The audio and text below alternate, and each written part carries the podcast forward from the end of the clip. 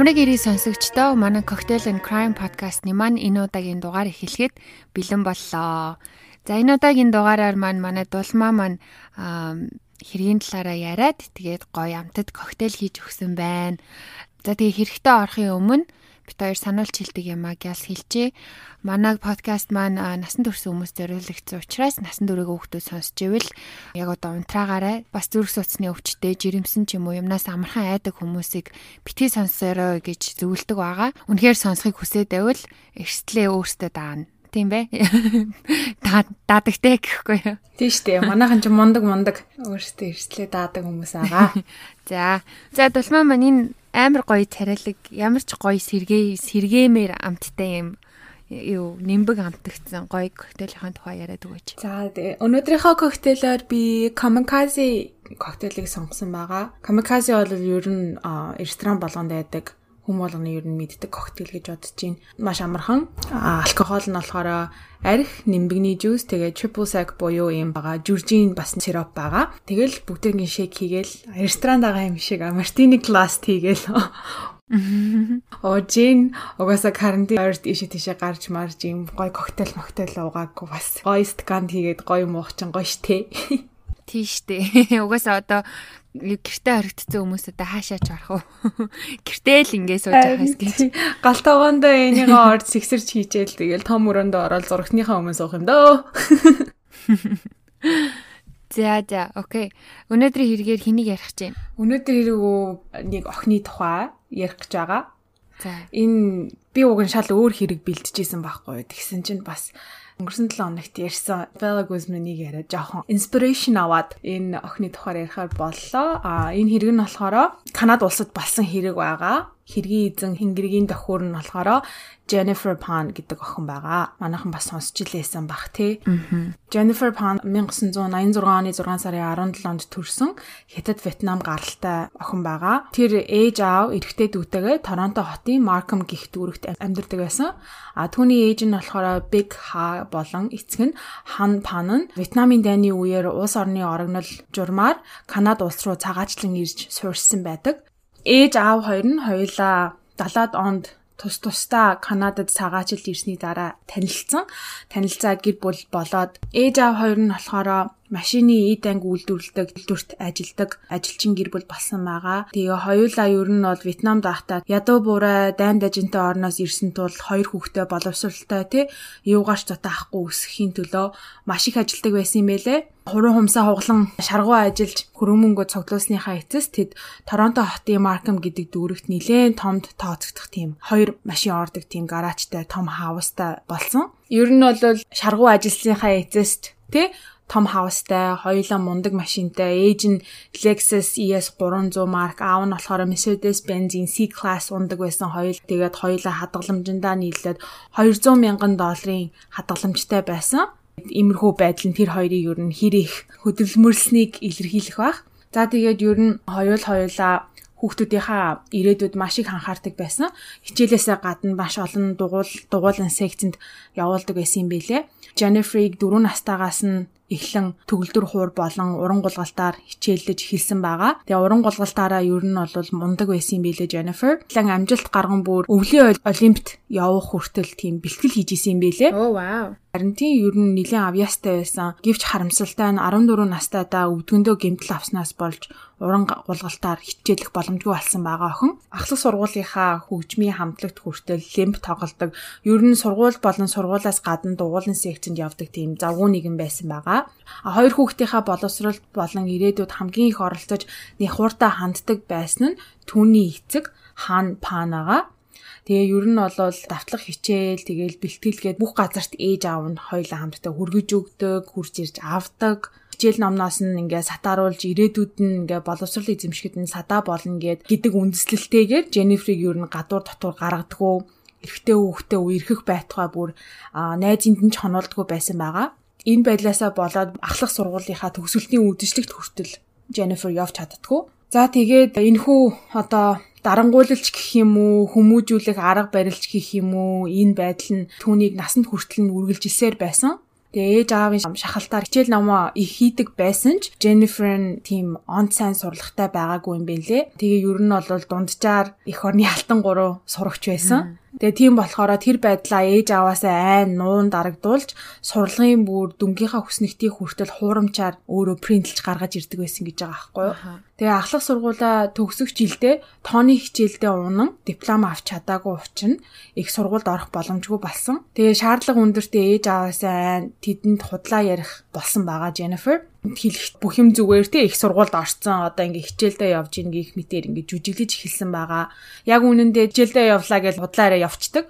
Тэгээ тэр үедээ юу хийдэг байсан бэ гэхээр хуваараа төгөлдөр хуур заанга ресторанд зөөгч хийдэг байсан байгаа байхгүй. За тэгээд энэхүү жүжиглэлтэн дамжран тэр ээж аавда Торонтогийн их сургуульд эм зүвчээр сурах саналыг хүлээн аваа зогсохгүй 100% бүрэн тэтгэлэг хүртэл авсан гэж хэлсэн байдаг. Тэгээ энэ байдлаа бүр ихтгүүлэхийн тулд сурах бичиг, ном хүртэл худалдан авч тэгээ эм зүвтэй холбоотой тэмдэглэл дэвтэр хүртэл хөтэлдэг байсан гэж байгаа. За тэгээд хичээлийнхаа өдрүүддээ сургуультайгаа ойрхон бай гэдэг нэрийдлэр ээж аваасаа найзындаа байх зөвшөөрөл авсан байдаг. Ээж аав нь ийш нь тийш нь гаргадаггүй, найзынд нь чонуулдаггүй байсан хүмүүс те.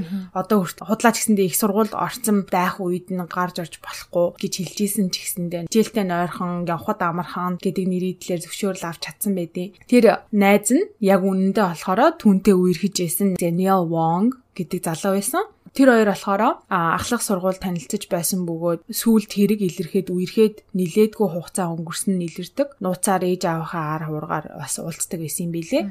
Тэгээ тэр залуу нь болохоор бас тогтсон ажилгүй бас хар тамхи наймаалдаг залуу байсан жоохон бүтэхгүй. Тэгээд Jennifer ээж аав хоёрын хараанаас хол цагийг өнгөрөөхийн тулд тэр хүүхдийн эмнэлэгт сайн дураараа ажиллах болсон гэж гэр бүлдээ хэлсэн байдаг. Тэгсэн хэдий ч ээж аав хоёр нь Jennifer-ыг төд удалгүйс хижиглэж эхэлсэн. Яагаад гэвэл чи ингээд эмнэлэгт ажиллаж иж те эмнэлгийн одоо халаад хувцс чинь хаанаага эсвэл ажил үнэмлэгчин хүртэл хаанаага энэ ч нөгөө эмнэлэгт хамаагүй дураараа орж болохгүй штэ ингээ заавал ажлын үнэмлэгтээ ээж иж ордог те тэгэл ээж аав нь үнэмлэг мүнэмлэг чинь хаанаага ингээ асуухад ажлынхаа локерт үлдээсэн ч юм уу нэг тиймэрхүү ярьдаг гэсэн гэж байгаа. Тэгээ тэрийг нь ээж аав хоёр нь сэжиглээд нэг өдөр ээж нь түүнийг нууцаар дахахаар болтыг. За тэгээ ээж нь охиноо ажилдаа явлаа гэж гарахт нь араас нь нууцаар дахад Jennifer найз залуу гэр гэрт ирдэг. Jennifer-ыг худлаа ярьсныг ээж аав нь мэдээд уралдаг. Угаасаа амар хатуу хүмүүжүүлтэй те тийм дэг журамтай байхад ингээ худлаа ярьлаа. Тийм дэг журамгүй гэр байсан ч гэсэндээ ингээд хүүхэд нь их сургуульд явж байгаагаа худлаа ярьсан байх юм бол ямар ч хүн уурлана л та тий. Аав нь угаасаа амар хатуу хүн байсан болохоор Jennifer-т хоёр сонголт өгсөн гэж байгаа. Нэгдүгээр сонголт нь болохоор жи Даниэлтайгаа холбоо та. Даниэлтай холбоо тасал холбоогоо дасал ингээ ахлах сургуулийнхаа дипломыг аваад чи их сургуульд орох бэлтгэлээ хийж эхэл гэж хэлсэн байгаа. Гэртээ ирээд те. А эсвэл хоёр дахь сонголт нь болохоор чи тэр Даниэлтайгаа нэг мөсөн бүр яваа. Харин бидний гэр бүлээ гэж бити ерөөсө бодоорой гэж хэлсэн байдаг. Аа. Ерөөсө найз залуугаа сонго эсвэл бид нарыг сонгох гэсэн юм шүү те. Ер нь тийм. Jennifer ингээд бие дааж амьдрахаас удаа айсан уу? Тий ээж аваасаа айсан уу? Тэр гэртээ үлдэхээр шийддэг. А тэгээд тэгсэн хэдий ч нууцаар Даниэлтай уулзаар байдаг байсан байлээ. Тэгээд ээж аавынх нь ар хуургаар нууцаар уулзаж байсан Даниэлт амир төвөгтэй санагдаад за за ерөөсө хоёлоо болигээд хинээс Jennifer-с салсан байдаг Daniel. Тэр хоёр салаад төд удалгүй Даниэл бас өөр нэг охинтой уулзаж эхэлсэн гэж байгаа. За тэгээ өөр охинтой уулзаад эхэлсэн чинь Jennifer яг бодохдоо тий хайртай залуу байгаа одоо бүр ингээд алтах юм шиг байна. Одоо ямарваа нэг юм хийхгүй болвол бүр мөсөн одоо алдах гад байна гэсэн үүднээс Даниэлд худлаа ярьсан байдаг. Тэгээ юу гэж ярьсан бэ гэхээр нэг өдөр гэртээ байж исэн чинь цагдаа гих нэрийдлэр залуу орж ирээд араас нь амар олон залуучууд дайрч орж ирээд намайг бөөнөрөө ингээд хүчинтчгээд явлаа. Энэ явдал болсны дараа хэдэн хоногийн дараа шуудангаар надад зориулсан бууны сум хүртэл ирсэн. Наа чиний уулзж байгаа охин чинь намайг ингэж сүрдүүлээд тэ дарамтлаад байна хэмээн Даниэлд хэлсэн байгаа аахгүй юу? Даниэл тэрэнд нь итгээд нөгөө охиноосоо салангуудаа буцаад Дженнифертэй ер нь уулзаж эхэлсэн гэж байгаа. Ийм юм басны дараа ямар нэгэн байдлаар ер нь өөр өөрийнхөө эрхчлөлөг олж авч чадахгүй бол хайртай залуу Даниэл нь хаяад явах юм байна гэдгийг мэдэж авсан. Үүнээс үүдэн энэ охины хэргийг ер нь бол Jennifer's solution буюу Jennifer-ийн шийдэл гэж нэрлэдэг те. Jennifer-ийн шийдэл нь юу байсан бэ гэхээр ямарваа нэгэн байдлаар ээж аавыгаа замаасаа зайлуулах тийм шийдэлд хүрсэн байгаа. Энэ хэргийг бүтээхийн тулд те 24 настай Jennifer 2010 оны хавар ахлах сургуульд хамт суралцж байсан Andrew Montemayor гэх залуутай холбоо барьсан байдаг. Яагаад түүнтэй холбоо барьсан бэ гэхээр тэр залуу ахлах сургуульд байхдаа өө би найзтайгаа нийлээд хүн дэрэмдэж байсан. Тэрийг амар ингэж гайхуулж өөрийгөө дүвилгэж ярьдаг байсан гэж байгаа байхгүй хай скул тахта.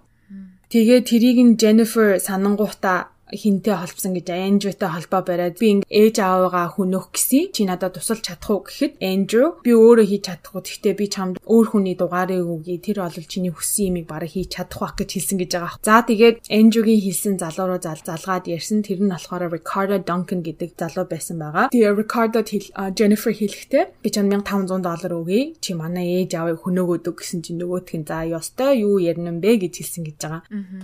Тэгээ ингээ бодоод үзгээд нэгдүгээр 1500 доллараар хоёр хүний амьд хүрнэ гэдэг чи юу гэсэн үг юм? Арай л биш ээ. Хөлсний одоо алуурчин талаас нь бодож үзье гэж бодоход хин хизээч юм хийхгүй л кинон дээр гардгаас л одоо бид нар төсөөлж байгаа шүү дээ. 1500 доллараар бол юм болохгүй. Тийм шүү дээ.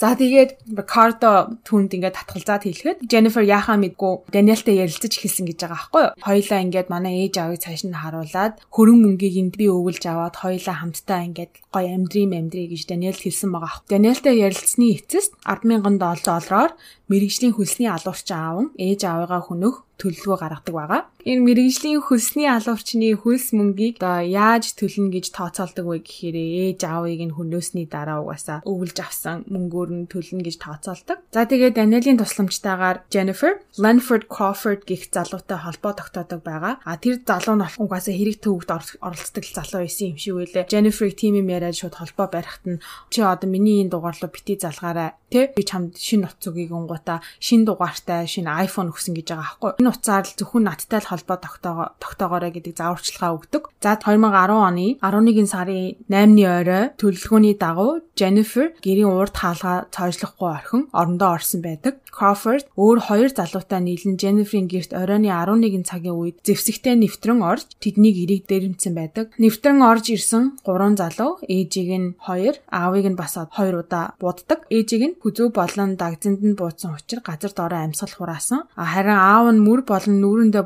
буудуулсан ч гэсэндээ амьд гарсан. А гэхдээ комд ороод үлдсэн. За тэгээ ингээд хэрэг болоод цагдаа сэргийлэх болоод мэдээж Jennifer-с хамгийн түрүүнд мэдүүлэг авна. Анхны мэдүүлэг өөр хэлсэн байгаа өдөржингөө хичээлээ ээж би гэртээ суусан, төгөлдөр хуураад авцсан. Автагаа 9-ийн үед орой хоолоо идэн 9:30-ийн үед өрөөндөө орон зурагт үзэж хөвцөн байгаа. За тэгээд Jennifer зурагт үзээд хөвтөж байхад гинэт ээж нь аавыг нь чангаар дуудах чимээ сонсгдсон гэж байгаа. Тэр үед зурагтныхаа дууг багасган чагнахад танихгүй хүний хоолой сонсогдсон гэж байгаа. За тэгээ тэр үед Jennifer гайхсан уу, айсан уу, тэ өрөөндөө хэсэг суусан бөгөөд доор хүмүүсийн дуу байхгүй болоход өрөөнөөсөө гарсан гэж хэлсэн өрөөнөөсөө айж ухаан гарах гад шагаатал өөдөөс нь эрэхтэй хүн бууд тулган миний хийсэн бүх зүйлийг хий тэхгүй бол би чааг алын шүү гэж хэлж сүрдүүлсэн гэж байгаа. Jennifer-ийг ээж автаа нь хамт хаусны basement буюу зоринд нь оруулан дэрэмчид чинь бэлэн мөнгө хаанаа тий үнэт үнэт идэллээ өг гэж асууж шаардсан.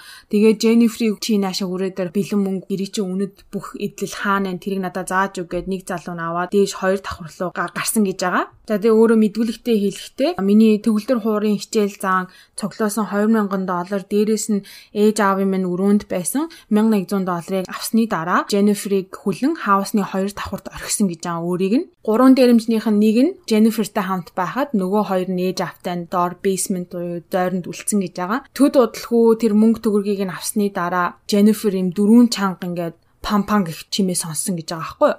За. Тэгээд тэгж сонссны дараа одоо буун дуу гарахад нөгөө гурав дахь хамт байсан этгээд нь яваад өгсөн гэж байгаа. Jennifer-ыг орхиод. Тэгээ төд удалгүй гурван дэрэмжин гуруулаа гэрээс нь зүхтаагаад Jennifer 911 дутсан. Ер нь бол одоо Jennifer-ийн хэдүүлэг энэ байгаа аахгүй юу? За тэгээ ингээд 911-ийн дуудлагыг нь сонсох юм бол маш сайн жүжиглэж чадсан нь мэдэгддэг. За тэгээд одоохондоо болохоор цагдаагийн хувьд бол Jennifer чинь зүгээр хэргийн ганц гэрчин шүү дээ. Ээж нь нас урчихсан, аав нь болохоор комонд орчихсон. Тэгээ өөр энэ хэргийг харсан хинж байхгүй. Энэ хэргийн талаар ингээд судалж байхад бол дүүн хаана байсан нь бол мэдэгдээгүй, мэдээлэл байдаггүй юм билэ. Тийм болохоор гэрт нь байхгүй байсан л гэж би ойлгож байна. Аа. За тэгээд угаасаа эхний мэдүүлгийн үеэр Jennifer-ийг те хэргийн ганц гэрч нэртэй байсан боловч төд удалгүй түүний эцэг Хан Пан комноос гарч ирэн энэ бүх түүх ер нь худлаа гэдгийг баталдаг байгаа.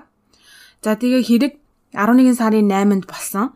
А 8 11 сарын 16-нд 8 хоногийн дараа түүний аав Хан Пан нууц мэдүүлэг өгсөн байдаг. Яагаад Хан Панаас ингээд нууц мэдүүлэг гэж байгаа юм бэ? Учир нь юу вэ гэхээр Jennifer мэдүүлэг авч байхад биеийн хилэмж маш сэжигтэй байсан учраас түүний эцгийг комноос сэрхэд нууцаар мэдүүлэг авсан байдаг. За тэгээ түүний эцгээс нууц мэдүүлэг авахад тэр хэлэхдээ Jennifer-ийг тэр дээрэмчид ингэж хүлж бариагүй харин ч Jennifer найзууд мэд тэд нартай ярьж байсныг би санаж ийн гэж хэлсэн байгаа. Түүний аав ингээ бүх зүйлийг санаж байсан хэдий ч аав нь мөр болон нүүрэндээ буудуулсан гэсэн штэ.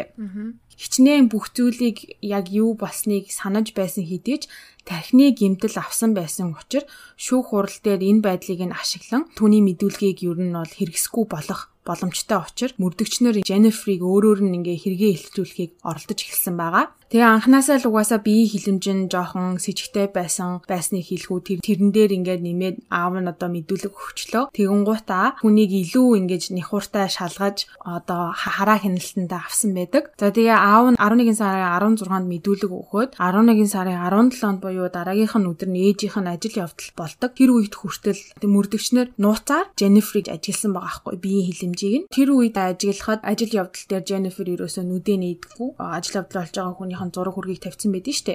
Тийм. Жи ер нь бол тэр зураг мураглуунч ихцэлж хараагүй, ганц тусал нулимс гаргаагүй гэж байгаа байхгүй юу амар юм те. Чиний өөрөө хүсээд ээжигээ хасан ч гэсэн чинь одоо хүний ээж үсттэй. Аа. Бүр сэжиг төрүүлмээр байгаа үсттэй те. Аа. Ер нь бол хэрэгт гурван хэрэгтэн байгаа гэдг нь бол ойлгомжтой. Яагаад гэвэл тэдний хөршийн камерт бичигдсэн байсан. Тийм болохоор ямар ч байсан гурван дээрэмчин байсан бол үнэн. А гэхдээ тэр гурав дээрэм хийх гэж орж ирээгүй. Ээж аавыг нь хөнөөх гэж орсон байна. Энийг бол Jennifer сэтлийг гаргасан, төлөвлөгөө гаргасан гэдэг үүднээс Jennifer-ийг сэжиглэж их эхэлж хамгийн сүүлийн удаа мэдүүлэг аавна гэд 11 сарын 22-нд 3 дахь удаага мэдүүлэг авсан байдаг. За тэгээд энэ удаад мэдүүлэг авахдаа ер нь бол хэргийн зүг хандлага бол өөрчлөгдсөн шүү дээ. Одоо Jennifer л одоо нэг гэсэндээ тулгана гэсэн тийм арга барилаар үздэг байгаа.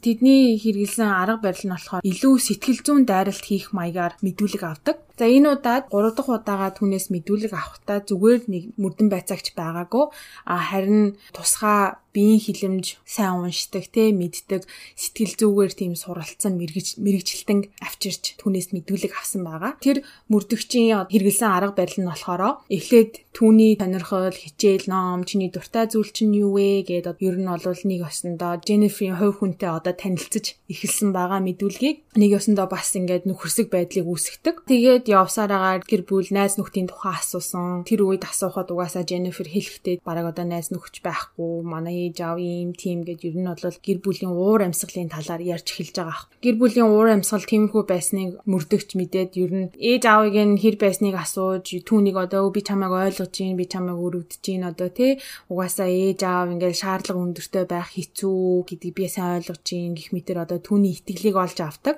ийм байдлаараа түүнийг одоо хичээлийн дүнгээ нуудаг байсан, худлаа ярьдаг байсан. Тэгээ бас их сургууль худлаа ярьж яагаад явсан гих мэдээллийг олж авсан. Тиймэрхүү мэдээлэл олж аваад ер нь жоохон Jennifer чинь тэр мөрдөгчд итгээд дасаад эхэлж байгаа штэ. Яриан сулраад эхлэн гут чи ингээ асуусан байгаа байхгүй. Яагаад тэр гурван дэрэмч орж ирчээ ээж аавыг чинь хүнөөгчөө чамааг амьд гаргасан юм бэ? Энэ бүхний арт Даниэл байгаа гэж чи бодож гинүү гих мэт хайртай залуугийн тухай асууж эхэлсэн байгаа. Даниэл хизээ тийм юм хийхгүй би бол тийм хийхгүй гэж бодож гин битээр угаасаа салцсан. Тэр Даниэлээс бас хэргийг зайлуулах гэж оролцдог. За тэгээд ер нь өөрөө өөрийгөө хамгаалаад Даниэлийг ч гэсэн хамгаалаад мэдээлэл олж авч чадахгүй юм байна гэдгийг мэдээд мөрдөн байцаагч өөр нэг арга хэрглэж эхэлдэг. Тэр нь болохоор Jennifer-с яг юу босон талаар дахин дахин асуудаг, нэг биш нилээд удаа асуудаг. Энэ нь болохоор бас мөрдөгч нарын нарийн хэрглэл арга бөгөөд с ижигтэнд нэг ёсондоо ингээ султай арга гинэ. Яагаад гэвэл үнэнг мянган удаа ярьсан ч үнэн л байдаг. А харин худлаа зүйлийг мянган удаа ярихад мянган өөр хувилбар гарч ирдэг учраас. Тэгээ нөгөө Jennifer чинь дахиад яг яасан те? Тэр хүмүүс орж ирээд чи яг яаж өрөөнөөсөө гарсан? Хизээ өрөөнөөсөө гарсан? Өрөөндөө юу ийжсэн гэ тэгэнгүүт ингээ яриан жоохон ингээ доголдолтой болж эхэлсэн байдаг.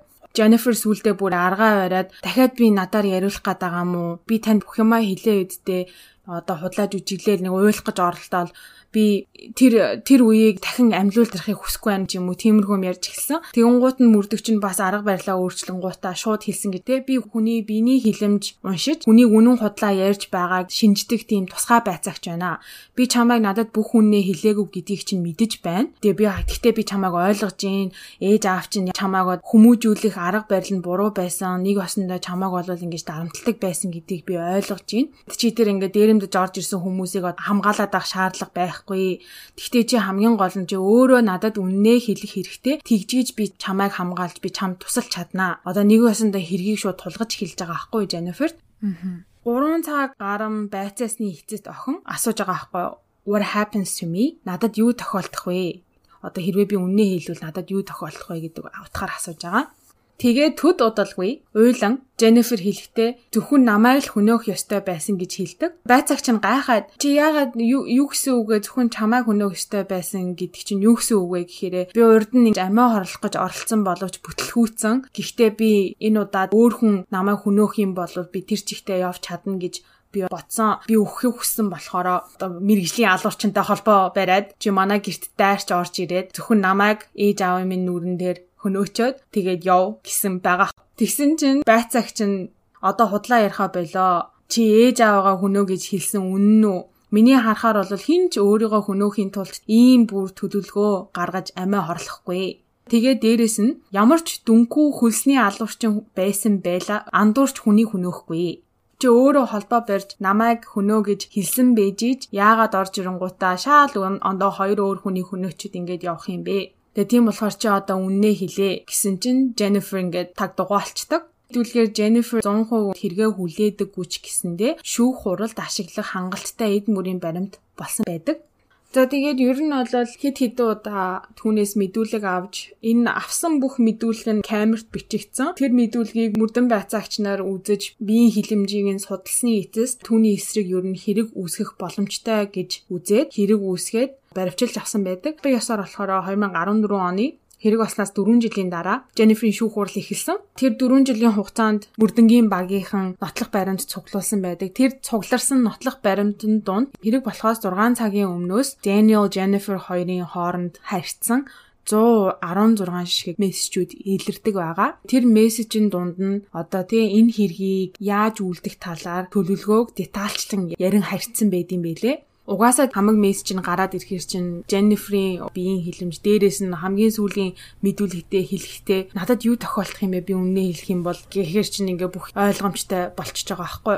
За тэгээд 14 оны 3 сар шүүх хурал нь эхэлж 12 сард Jennifer Pan болон хэргийг хамтарч үйлдсэн этгээдүүд болох Daniel Wong, Lanford Crawford, Eric Cardy болон David Milvaganam нарт 1-р зэргийн хүн амны хэрэгт буруутан болж насаараа хорих хоригдох ял авсан байдаг. А тэгээ бүгдээрээ 25 жилийн дараа даван залдах боломжтой. Jennifer Pan одоогоор Ontario дахь Grand Valley эмэгтэйчүүдийн хорихт ялаа эдэлж байгаа хэрэг мөрдөгдөг хугацаанд Jennifer-с авсан бүх мэдүүлэг бүгд видеонд бичигдсэн байгаа. 911-ийн аудио бичлэг хүртэл байд юм билэ. Ингээ хамгийн түрүүнд с ิจ г төрүүлсэн юм нь юу вэ гэхээр хамгийн анх хэлэхдээ гурван этгээдийн нэг нь түүнийг хоёр давхурт гаргаад бэлэн мөнгө үнэт эдлээ аваад ир гэж хэлээд хамаг ямиг авсны дараа миний гарыг хүлэн хоёр давхурт орхисон гэж хэлсэн мөртлөө гараа суллаа цаа чин 911 дуудсан байдаг. Тэгээ цаа байцаагч нар чи яа гараа суллаад 911 дуудсан асуухад түүн хэлэх тайлбар байгаагүй. Мэдүүлэг өгж байгаа бичлэгийг нь үзэхээр гацаад хальт балмагддсан байлээ. Аа би ингээд өмнөхийнхаа артлынхаа цаа хийцэн байсан гэл нэг тийм. сонин сэжигтэй үйлдэл гаргадаг. Гэхдээ цагдаа угаасаа чи яг яаж уцаар ярьсан гэдгээ үзүүл гээд чи одоо за босоод ир гингүүтээ яг хаагур чи хүлсэн гэж асуунгуудаа мөрний тэрүүгээр тэгээд ингээд ингээд уйцсан байсан. Тэгээд миний энэ хоёр бугуун хэсэг чөлөөтэй байсан гэж хэлээд. Тэгээд за яг хаана утсан байсан? Яг хаана сууж исэн? Яаж чи ярьсан? Тэсэн чи үзүүлдэм билээ шүү дээ, тэ Jennifer. Яг ингэж аваад ингэж ингэж эргэж хараад би ингэж дуудлага өгсөн. Тэсэн чинь одоо чихнээс нь нуцсан амар хол байгаа байхгүй тэсэн чинь. Тэгээ яаж тэр диспатчерийн үгийг сонссон гэж би ингээ спикер дээр хамаг чанга дээр ингээ тавьж байгаа сонссон гэж хэлдэм бэлээ. Тэгэнгүүт нөгөөх нь нэг жоохон хальт үнэмшилтэй. Тэгтэл тэгтэл ер нь ингээ бичлэгийг үзээд ахаар амар худлаа ярьж байгаа нь улаан цамын тэгдэл байгаа юм шиг санагдаад. Эсвэл би нэг бүх бичлэгийг нь үзэхээс өмнө худлаа ярьсан гэдгийг нь мэдчихэд үзсэн болохоор зүгээр тиймнүүдээр харагдаад байсан байж магадгүй. Магадгүй тий. Гэтэ нэг мөрдөн байцааж исэн цагдаан дараа нь хэлсэн бидэн штэ. Одоо бүхэл бүтэн ээж нас орсон, аав нь комд орсон бахад хэрвээ үнэхээр Jennifer өөрөө тэр хэрэгт холбоогүй болвол одоо миний аав яасан, миний ээж яасан одоо би танарт яаж туслах вэ? Тэр хүмүүс яаж болох вэ? Ийм ийм ийм хүмүүсээс ингээд нэг хүн чинь тэгнээд тэгсэн чинь Jennifer ингээд асуусан асуултанд хариулсан болчоол тэнгүүтээ өөрийнх нь тухайл ямар асууадсэн гэж хэлж исэн. Би одоо ер нь яачих вэ? Одоо би яана гэсэн үг үү? Яах вэ? Мах уу гэж амар асуусан юм байлээ. Надад юу тохиолдох вэ л Тийм. Асуугаад өөрөө өөртөө л амар санаа зовсон. Тэр нь амар с ижигтэй байсан гэж ярьж исэн те. За тэгээд ер нь ингээд бодоход ээж аавын дарамтаас нэлийн хэцүү байсан юм шиг байл. Одоо нэг найзалдаг байсан, таньдаг байсан хүмүүсээс ингээд асуухаар ерөөсө гарч оруулдгүй гэж хэлчихсэн те нэгдүгээр Jennifer ингээд 22 настай байж иж ерөөсө ууж үзээгүй, хүнтэй үерхэж үзээгүй, найзын даач хонж үзээгүй, тэгээ бүр ганцаараа амралтаар ингээд явж үзээгүй, дандаа ээж аавтайгаа хамт байдаг байсан гэж байгаа. Тэгээ яг хуу ууж идэхтэрээ бол үнэхээр хүний сонголтолтой заавал 22 хүрсэн байгаад заавал тийм үтсэн байх шаардлага байхгүй тий. Хүнтэй үерхсэн ч яхаа алдгүй. Гэхдээ бас энэ ер нь харах юм бол одоо хүмүүс ер нь үдцэн лээд нь штэ аль хэзээ хүн амьтандаа үерхэд ч юм уу те. Тийм штэ. Тэгээд энд энэ байдлаас ингээ харахад ээж аавын харьяа ямар их зүйл байсныг одоо харуулж байгаа. Хитрхи болттой л байсан юм байна л да. Нөгөө classic tiger mom гэж ярьдэн шүү дээ. Бар ээжлээсэн л юм байна л да. Ээж аав ер нь. Бар ээжээсээ илүү бар аав байсан юм билээ. Тэгээд угаасаа одоо өсвөр насны хүүхд чинь зөндөө олон юм хийж үзмээр хахад хитрхи их боогдуулаад ахаар тэгээд ингэж байгаа шүү дээ. Тэгээ бүр юу яа Jennifer-ийн машиных нь километрийг нь хүртэл тооцдог байсан гэсэн. За арай дэндүү юм те. Тэр өөр арай дэндүү байгаа эцтэй. Бид нар ч гэсэн тийм өсвөр насндаа бол ээж авдаа худлаа ярьж үзээгүй хүн байхгүй гэж бодож байна. Яг уу тэрийг бол дэмжиж байгаа биш л те. Гэхдээ бид нар ч гэсэндээ гимгүү нэг худлаа ярьдаг үе дээ шүү дээ тийм бол байж исэн бах. Гэтэл Jennifer ээж аав нь машины километрийг нь хүртэл бүр ингээд тооцно гэдэг амар санагдчих байна надаа. Тий, одоо тэгэл хүүхдээ хит боож эрхчлөөнд нь хит халтахаар одоо тэгэл ийм юм болж байгаа шүү. Манай монголчууд бол нэг гайгүй лахалтай ихвчлэн хятадууд ч юм уу ер нь Азууд нэг иймэрхүү чанга гараар хүүхдээ өсгөчгөөд байдэн шүү дээ. Тэг манайхан бол гайгүй лах гэж найдаж байна.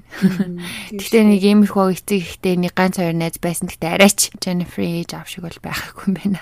Тэгэл хүн болгон хүүхдүүдээ те хичнээн ингээ боловсралтай сайн мундаг хүмүүс байгаасаа гэж бодон хичээдэг ч гэсэндээ бас юмд хэмжээ хязгаар гэж байх ёстой гэж бодож байна. Ер нь хүүхдүүд чинь ингээд өсвөр нас өнгөрөөд ирэхээр хүүхдүүд ер нь том болоод өөрийн гэсэн санал бодолтой болж ийн өөрийн гэсэн шийдвэрээ гаргахыг ирмэлзэж эхэлдэг шүү дээ. Тэгээ тэр үед дураар тавихгүй ч гэсэндээ зарим юм дээр нь бас өөрөө өөрсдөнд нь орон зай өгч өөрсдийнхөө хүссэн юмыг нь бас хийлгүүлж ивэл сайн юм шиг. Тэгвэл тэд нар чинь бас өөрийн гэсэн оюун ухаантай хүн шүү дээ.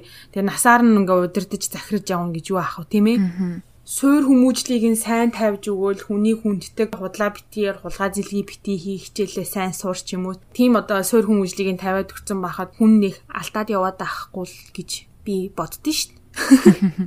Одоо өөрөө тэгээд хүүхдтэй гэр бүлтэй болохоор ямар юм болох юм байгаа мэдэхгүй л дээ. Тэгтээ би зүгээр л тэгэж боддیں гэсэн.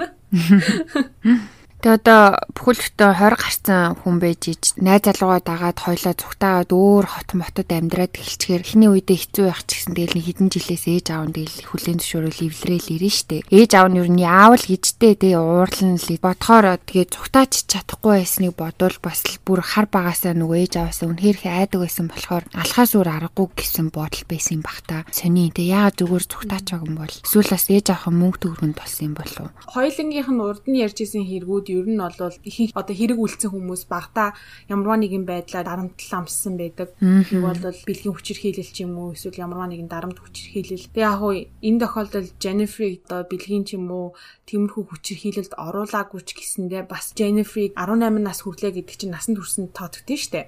Аа. Нэг осондоо насанд хүрсэн хүнийг ингэж сэтгэл зүйн дарамтанд оруулж гэрт нь хорж тий гадагшаа дотгошоож явж чадахгүй машиных нь километрийг нь хүртэл ингэж тооцно гэдэг нь бол бас нэгэн дарамт гэж би бодож байна. Тиймэрхүү байдлаасаа болол угаасаа Jennifer дэлбэрсэн бах. Аа. Троо энэ хадгалж исэн маш их одоо юу хийндэ өвдөлтийг те тэлдэн байсан энэ их зүйлийг яг уу буруу аргаар гаргасан гэж үзэж зүгээр л ер нь бол хаяад л явчмаар одоо хэрвээ би өөрийгөө тийм байдал тавьж үзэх юм бол зүгээр жаваасаа холбоо тасл таслана гэдэг бол угаасаа миний толгонд орж ирэхгүй байна л да. Гэхдээ хэрвээ тийм амар ээж автай бүр хэцүү байсан бол яагаад бүх юм хаяад явж болоогүй юм бэ? Тиймгүй зөндөө хүмүүс байдэн дээ. Тий ингээ амьдралаа өөрөө ингээ эхэлсэн. Тэгээ ингээ Jennifer ботхоор бас яг ээж аавынхаа мөнгөнд болсон байж магадгүй. Хэрвээ төлөвснөр нь болоод ээж аавыг нь хөнөөгөөд Jennifer-ыг ингээ шижиглээгөө бүх юм төлөлгөө ёсоор болсон болвол ээж аавынхаа нөгөө нэг хадгаламжинд байсан 200 мянган доллар. Яа том хаус хоёр машин. Тэгээ бас дээрэс нь амь даатгал гэж байсан лайлгүй амь даатгалынх нь бас мөнгийг авчихсан. Баян хүүхэн гүйжих байсан бах тий. Тэгээ юмыг хялбарчилж авах санаатай байж байгаа тэр нь буруутсан юм шиг санагдчих. Бас тэгэл тийм ч ухаалаг биш охин байсан нь амар олон юм дээр харагддаг те амар инээдтэй. Цагдаа нар нөгөө байцаалт авч исэн чинь одоо эн чинь эцэг эхийг алуулчаад те эцэг нь одоо комд орсон их нь эхийг алуулчаад гэрийг нь буснуулсан ийм амар юм тохиолдчиход тах чинь. За юу болсон гэдгсэн чинь. Those gentlemen, тэр gentleman гэж яриад тийм л амар инээдтэй те. Харин тийм Ямар хүн тгийж ярих уу? Тэрмүү хулгайч тэр муу навшнууд гэж тэгнэдтэй ингийн хүмүүс ал. Тэгээ бас ер нь жоохон мангардуу. Тэр эрхэм намайг ингэ. Тий. Тэгээ ер нь ихэвчлэн амар худлаа уйлж муулдаг те. Ерөөсөө нулимс нулимсгүй уйлж муулээдсэн. Харин тийм. Яг нөгөө баригцнаа мэдээл нэг чинхнээсээ уйлах шиг болсон зайлвал. За нэг ийм хэрэг байна. Тэгээд яг мэдүүлгээ өгж байгаа бичлэгийг нь тавья. Манайхан тэгээ ороод сонирхоод биеийнх нь хилэмжийг өөртөө шинжээд үзээрэй. Угаасаа ер нь худлаа юм байлээ. Харамсалтай л юм. Тэгэл хүүхдээ сайн яваасаа гэж ботсон нь бүр хитрэг хитрээд тэгээд одоо өөрсдийнх нь үхэл хүргэх гэж. Тэгэхээр одоо хүүхдүүдээ ингэж амар хангалахын оронд үгийн ухаанаар одоо юу гэдэмтэй одоо дээр үеийн хатуу ухаанаар ирчүүд нь хаа ухаанаараа хүмүүжүүлээрэ гэж. Тэгээ юу юугүй хамаагүй минь шалгаал тэгээл нөгөө яман зөрчингүүц одоо зохиол балаараа дэв гэдэг шиг. Тэгэхээр одоо хүүхд сэтгэл зүйн хувьд амар дарамтанд өсгөөр одоо том болоод ингээд юу ч хийхээс буцахгүй болж байгаа шүү дээ. Бас юу юм да ингээд хүүхдүүдийн эзэм ирээдүйн боловсрал үнэхээр маш чухалч гисэндээ бас хажуугаар нь одоо таны хүүхдийн аз жаргал, тэ сэтгэхүүн эрүүл байдал бас илүү чухал байх гэж би бодож байна. Шүү дээ. Тэгээ манайхан тиймэрхүү юм дээр бас анхаарад хичээлээ хий гэд байнга нүдэ дээлгүй бас хаяа ч гэсэндээ гадуур дотуур гаргаад хүссэн цагаар нь тоглуулж ясан дээр юм шиг энэ байдлаас харахад бол тийм шүү дээ тий. Хүүхдийг угаасаа эрхчлөөнд хитрхи бити хаалтаарай л гэснийг баг эндээс харж ойлгож байна. Одоо би бол уул нөөрөө ээж болохоор амар чангастай амар ээж болох байх гэж бодож ирсэн. Энийг сонсчод за баг Тийм болох юм болоо даа гэж бодоод байна штэ. Айчлаа бүр ёо. Юу гэдэг вүлээ? Хан ханныгийн тааруулахгүй болоо салахгүй аха. За за маш их сонирхолтой хэргийн талаар ярьж өгсөнд бол мада баярлалаа. Үнэхээр бас те бодууштай хүүхдтэй хүмүүсээс бодоол сууж байгаа ах л та. Хүүхдийн хүмүүжил ямар чухал болохыг бид нар бүр хэрэг болгон дээр харж штэ тий хар багасаа одоо за ингээд зодод зохиод байдгүй маа гэхэд одоо үгийн муугаар ч гэсэн одоо чичилсээр агаад хүүхдийн болчих жишээний тий нэг бол толгой тархирун цогсоор агаад амир одоо сэтгцэн юм өөрчлөлтөө болгочих жишээний тэгэхээр ер нь хүүхдтэйгээ маш болгоомжтой харьцах нь одоо угаасаа тэгээ ойлгоцгоож айлгүй мэдтгэж байгаа айлгүй а нэмж хилээд тавтаад яах вэ дээ Гэхдээ бас ингээд бодоод ахаар чинь одоо энэ энэ дарамт шахалт одоо амар их шаарддаг байсан стандарт өндөр байсан тэр ээж аавын зангаас болоод бас сэтгэл зүйд нь өөрчлөлт гарсан нь харагдаж байгаа л байна. Одоо энэ энэ яг нөгөө нэг сэтгэл зүйн өвчин биш ч гэсэндээ тодорхой хэмжээгээр нөлөөлсний улмаас л ийм үйлдэл гаргаж одоо хэрэг хийсэн. Тэгээ нөгөө иймэрхүү бар аав ээжтэй бар эцэг ихтэй ийм хатуу чанга зарчимд өссөн хүмүүс чинь том болоод эцэг эхийнхээ хүссэн хэмжээнд хүрч чадахгүй болоод ирэхээрээ ч юм уу хүрч чадахгүй байх гэж бодсны үндсэн дээр айгүй их амиа оролт юм билээ амар харамсалтай. Тэгээ хичнээн мундаг явж байгаа мөртлөөсөө тэр нь одоо эцэг ихт нь хангалтгүй юм шиг шиг өөрсдөнд нь санагддаг болтой хангалттай байсан ч одоо тэр бар эцэг эхчүүд чи мундаг байна энтер гэж хүүхдээ урамшуулдгүй майшин те бүр хангалттай байсан ч гэсэн хүүхдийн сэтгхүүд болохоор ээж ээж аваахын хүссэн шиг тийм мундаг хүүхд байж чадахгүй байх гэж бодсод ам амаа хорлдог тэгээд одоо нэг бол энэ хүүхчиг ингээд эсэргээрээ эцэг эхийн хөнөөхийг хүртэл завддаг болчихж байгаа байхгүй юу? Тэр чинь одоо сэтгэл санааны дарамт үнэхээр хүндлийн те бар ээж аав гэснээр би нэг юм фейсбુક Facebook дээр групп дэдэг байхгүй юу? Хувийнхаа Facebook-ээрээ Аз эмгтээчүүд зориулсан тийм групп. Тэгээ тэр групп эмгтээчүүд октод орж ирээд өөрт тохиолдсон ингээл бүхэл юм аяар. Тэгэл зарим тохиолдолд ингээ уншиж хахад харахад надаа ингээ зөвлөгөө өгөөч гэсэн тийм постууд орсон байдаг. Жишээ хамгийн сүүлд нэг уншсан нэг охины тухай байсан. Би ингээ registered nurse буюу одоо Америкт те хамгийн том сувилагчийн зэрэг штэ. Тэгээ маш сайн мөнгө олдог. Тэр амьдардаг хотынхоо downtown мундаг өндөр гой гой байранд амьдардаг. Тэгээ ер нь бол амьдрал нь хангалттай тийм байдаг. Ээж аавында хаяа очиод ингээд ярьж марахаар ээж аав хоёр нь дандаа үг хайдаг. Юу гэж үг хайдаг вэ гэхээр чи ингээд сувилагч хийж явж ирсний хооронд эмч болох ёстой байсан. Чиний ухаан ч хүрээгүй болохоор чи сувилагч болоод үлдсэн гэд хэлдэг. Би ингээд би ээж авдаа маш их хайртай, тэднэртэй цагийг хамт өнгөрөөд байхыг хүсдэг. А гівч намайг очих болгонд иймэрхүү юм ярьдаг болохоор хаяада миний толгоонд орж ирдэг болсон бодол нь болохоор энэ хоёр хүнээс би холбоогоо тасалмаар байна гэдэг бодол орж ирсэн. Яагаад гэвэл Америкчууд тиймэрхүү тохиолдол зөндөө байдаг. Хүүхдүүд нь том болонгуудаа санал бодлын зөрчилдөөн гарангууд хүүхдүүд нь да үнэхээр миний амьдралыг хүлээж авч чадахгүй бол би та нарыг одоо ээж аваагаа гэж гэж ботхоо боллоо ч юм уу. Ингээд бүр бүрсэн холбоогоо таслахгүй маа гэхэд ер нь зайгаа бариад өөрсдийнхээ амьдралыг эхлээд за үнэхээр жилдээ ганц бараг зулсаар юм уу эсвэл шинэ жилээр нэг уулздаг эсвэл уулзахчгүй зүгээр хальт уцаар ярьдаг хүмүүс байдаг тий. Тийм шүү дээ. Ер нь бол ингээд Аз гэр бүлийн ёс заншилд бол хизээж ээж аваасаа холддоггүй бид нар ээж аваагаа ингээд хөвшин болохт нь хүртэл арчилдаг. Гэтэл тэр охины хэлсэн юм нь болохоор ээж аав юм гаргаж байгаа зан намайг ийм юм ботход хүртэл хүрэж гинэ. Одоо Аз охтууд юу гэж бодож байна? Надад туслаач танаа culture буюу танаа ёс заншил одоо нөгөө орон орны Аз охтуудын групп баггүй юм чинь. Тэнгуү танаа ёс заншил яадаг вэ? Танаа ёс заншлийнхын юу гэж боддог вэ? Ээж аавыг юу гэж хүндэлдэг ч юм. Ингээд ийм пост гаргацсан. Тэрэн дээр нэг хүмүүсийн шидэм бичсэн байсан. Тэгээ ер нь ингээ хараад ахаар хүүхэд чинь тий өөрөө аз жаргалтай өөрөө өөрийгөө болгоо сэтгэл хангалуун байвал заавал нэг ямар имж тий одоо өмгөөлөгч тийм мундаг одоо тэрэг цагтаа дарах тийм байх ер нь бол шаардлагагүй байх. Өөрөө өөрийгөө болгоод хангалттай амьдраад мэдээж агуу хүнд амбиц хэрэгтэй 9 шидийн боломжтой байхыг хүсээсээ одоо мөнгө төгрөг хангалттай амьдрахыг хүсээсээ гэж хүүхдтэй хүсэх хэрэгтэй ч гэсэндээ заавал чи юм бол заавал юм ч бол заавал өмгөөлөгч бол те заавал цагтаа бол заавал юм бол гэд нэг ямар толгойг нь тоншоод авах юм хэрэггүй л ах. Аа. Дээ. Тэгээд одоо тийм эцэг ихтэй ч юм уу их жах нь одоо тийм тэгвэл үйлдэл болгоныг хяндаг. Үнэхээр сэтгэл сэтгэл зүйт чинь одоо бүр үнэхээр дарамттай тийм гэр бүлтэй байвал байснаас ер нь баг ганцаараа тэгээд хийх юм аяга явж исэн дээр ч юм шиг тий. Гэхдээ яг уу энэ нь одоо манай Азуудын одоо ёс одоо юу гэмдэ баримталдаг зарчимтай болвол зөрчилдчил байгаа юм л та. Гэхдээ үнэхээр хүн өөрөө эрүүл саруул сайхан амьдрал гэж бодож ивэл одоо тэгээ жоохон ч гэсэн зайгаа авахаас өөр аргагүй л болчихж юм л да тий.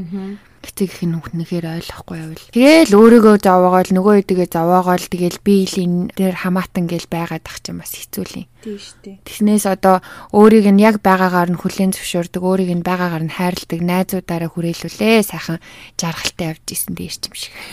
Тийм шүү дээ. Гэхдээ ер нь эцэг эцэд хүн нэг л амьдран дээ хэний төлөө амьдрахын хүн өөрөө өөрийнхөө төлөө л амьдрдээ шүү дээ. Тийм дээ. Угаасаа эцэг ихээ ямар тэгээ сонгож төрдөг биш. Эцэг эхчүүд ямар хүүхдүүдээ сонгоод 100% одоо яг тодорхой хэмжээгээр өөрийнхөө өслөөр өсгөж болно л доо. Гэтэ 100% яг ийм л хүн өсгөн гэхингүүт одоо тийм хүүхэд өсчдгүү штэ. Одоо хин хинийгээ сонгодгоо учраас бага багаар нь л хайрлал одоо хүлээн зөвшөөрөл чадах чадхаар нь дэмжээд ээж байхад болох юм шиг тий. Тийм штэ.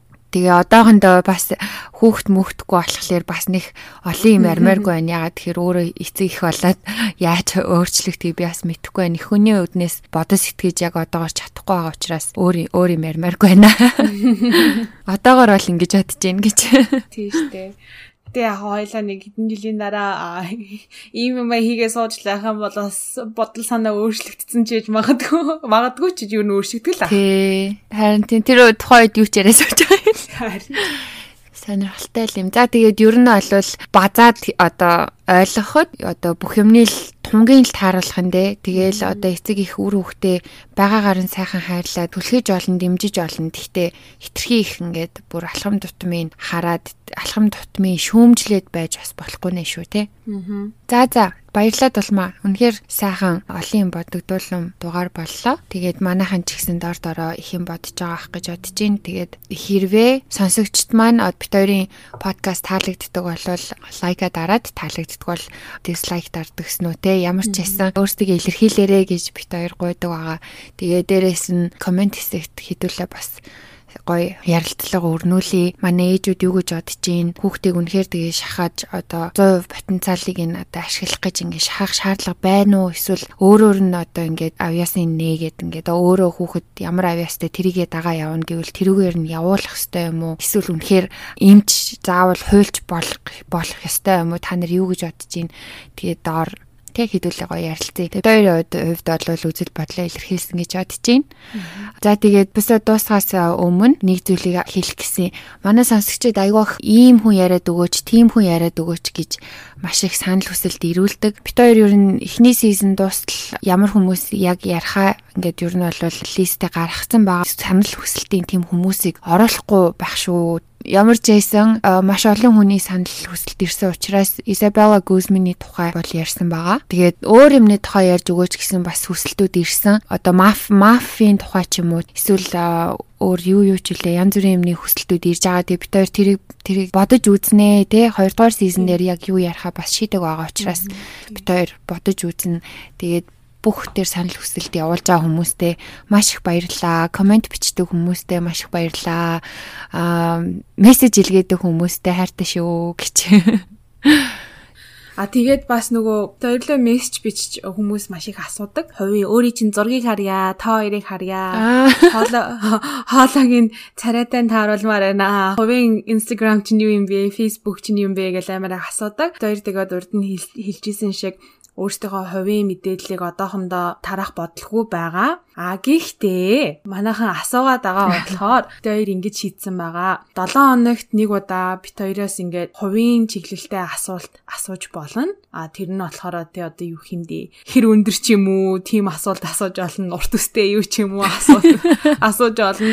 Тэрнээс ахуулаад бүр одоо бит хоёрын нэг одоо үзэл бодлын талаар ч юм уу сүлд нэг хүн комментэнд бичсэн байсан. Та хоёр цаа зараа хуулийг юу гэж боддог вэ? гэд асуусан байсан. Тэр үедээ яг нөгөө нэг бит хоёр чинь нэг аккаунтыг хоёр хүн хэрэгэлдэг болохоор бас нэг нь хамаагүй хариулж болохгүй. А тийм учраас хэрвээ тиймэрхүү асуулт юм бол бит хоёр өөрөө өөрсдөө хэлээд а дөөкө 8 дулмаа 8 гэж агаад хариулнаа. Тэгээ ерөнхийдөө бид хоёр энэ асуулт хариултаа 1-р сизны дуустал хийх сонирхолтой байна. Тэгээд 2-р сизон дээр хийх үгүйгөө яг одоохондоо шийдэг байгаа. Яаж хийх вэ гэвэл 7 хоног болгоно эпизод цацагдсны дараа хоёр YouTube-ийн пост хийдэг хэсэг байдаг шүү дээ. Community-гээд орохоор байгаа. Та нар харж болно. Дугаарт Facebook дээрээ пост олгож оруулна. Тэгээд тэр доор та нар одоо асуумаар байгаа асуултуудаа асуугаад тэгээд хамгийн их лайк авсан асуултаа шалгаруулад дараагийнхаа дугаарыг бичихтэй бит хоёр тэрэнд нь хариулаа явуулчихна гэсэн үг. Тэгэхээр 7 хоногт хоёр асуулт те YouTube-ээс нэг асуулт, Facebook-ээс нэг асуултанд хариулна гэсэн үг. Тэгээд хамгийн ихний хийгээ болохоор бит хоёр яг өнөөдөр буюу 24-нд пост оруулсан байх болон та нар тэр доор хүссэн асуултаа асууж болно. Тэгээд тэр асуултаа хизээ шалгаруулах вэ гэхээр 29-нд хүртэл харж агаад 29-нд хамгийн өндөр одоо лайктай байгаа асуултанд хариулж дараагийнхаа дугаар дээр оруулна гэсэн үг. Заавал хувийн тийм хувийн чанартай асуулт бол гэхгүй зүгээр нөгөө нэг одоо түрүүнд улмаагийн маань хэлсэнчлэн битэр хоёрын одоо юу гэдгийг санал бодлыг асуусан тийм сонирхолтой асуултууд байвал бас гоё шүү те. Яг уу бит хоёрт яг чиглэсэн асуултууд ямар ч асуулт ээж болно. Та эдтэйгээ гоё ингээд батан танилцъя юу гэж утсан гэж. Аа тийм. Өөрийгөө өөртөө бүр мөсөн биш ч гэсэндээ татан танилцуулъя гэж утсан юм. Одоо үгүй манайхан ч амир хөөрхөн та хоёрыг сонссоор агаад бүр ингээд найзуучиг болцоо гэд найзуутай ярьж байгаа шиг болчлоо гэд тэгээ амир хөөрхөн хөөрхөн мессеж ирээд байгаа шүү дээ. Тэгээ тэр эдтэйгээ бүр найзлаа. Хідүүлээ бүр гоё найзлаа гэхгүй юу. Тийштэй. Тэгээ дараагийн сизнээс угаасаа бит хоёроос удчиж магадгүй тийм болохоор тий. Энэ сизнийг дуустал хийнэ. Аа. Хувийн мэдээллүүд гэдээснийг одоо ингэж л өгье доо гэж. Тэгээд одоогийн байдлаар угаасаа нөгөө хувийн аккаунтуудаа зарлах ямар ч зарлах бодлого байгаа учраас жоохон ч гэсэн хэдүүлээ гоё танилцъя. Ингээд ч болтгой. Энэ үртэл сонсон хүмүүс чи хэм байдаг лээ гэж. MVP Оо яа, манайхан ч амар олон MVP-тэй болт даар өстө. Бүх дугаарыг MVP болж байна гэж амар хөрхөн те. Та нарыг харж байгаа шүү. Урд нь мэддэггүй байсан. Өөрөө өөртөөхөө MVP-нүүдээ комент үлдээх #MVP гэж. За тэгээд хоёрыг энэ хүртэл нуршихыг дуртайя сонссон сонсогчтой маш их баярлалаа. За тэгээд дараагийн дугаар хүртэл төр баяртай. Баяртай.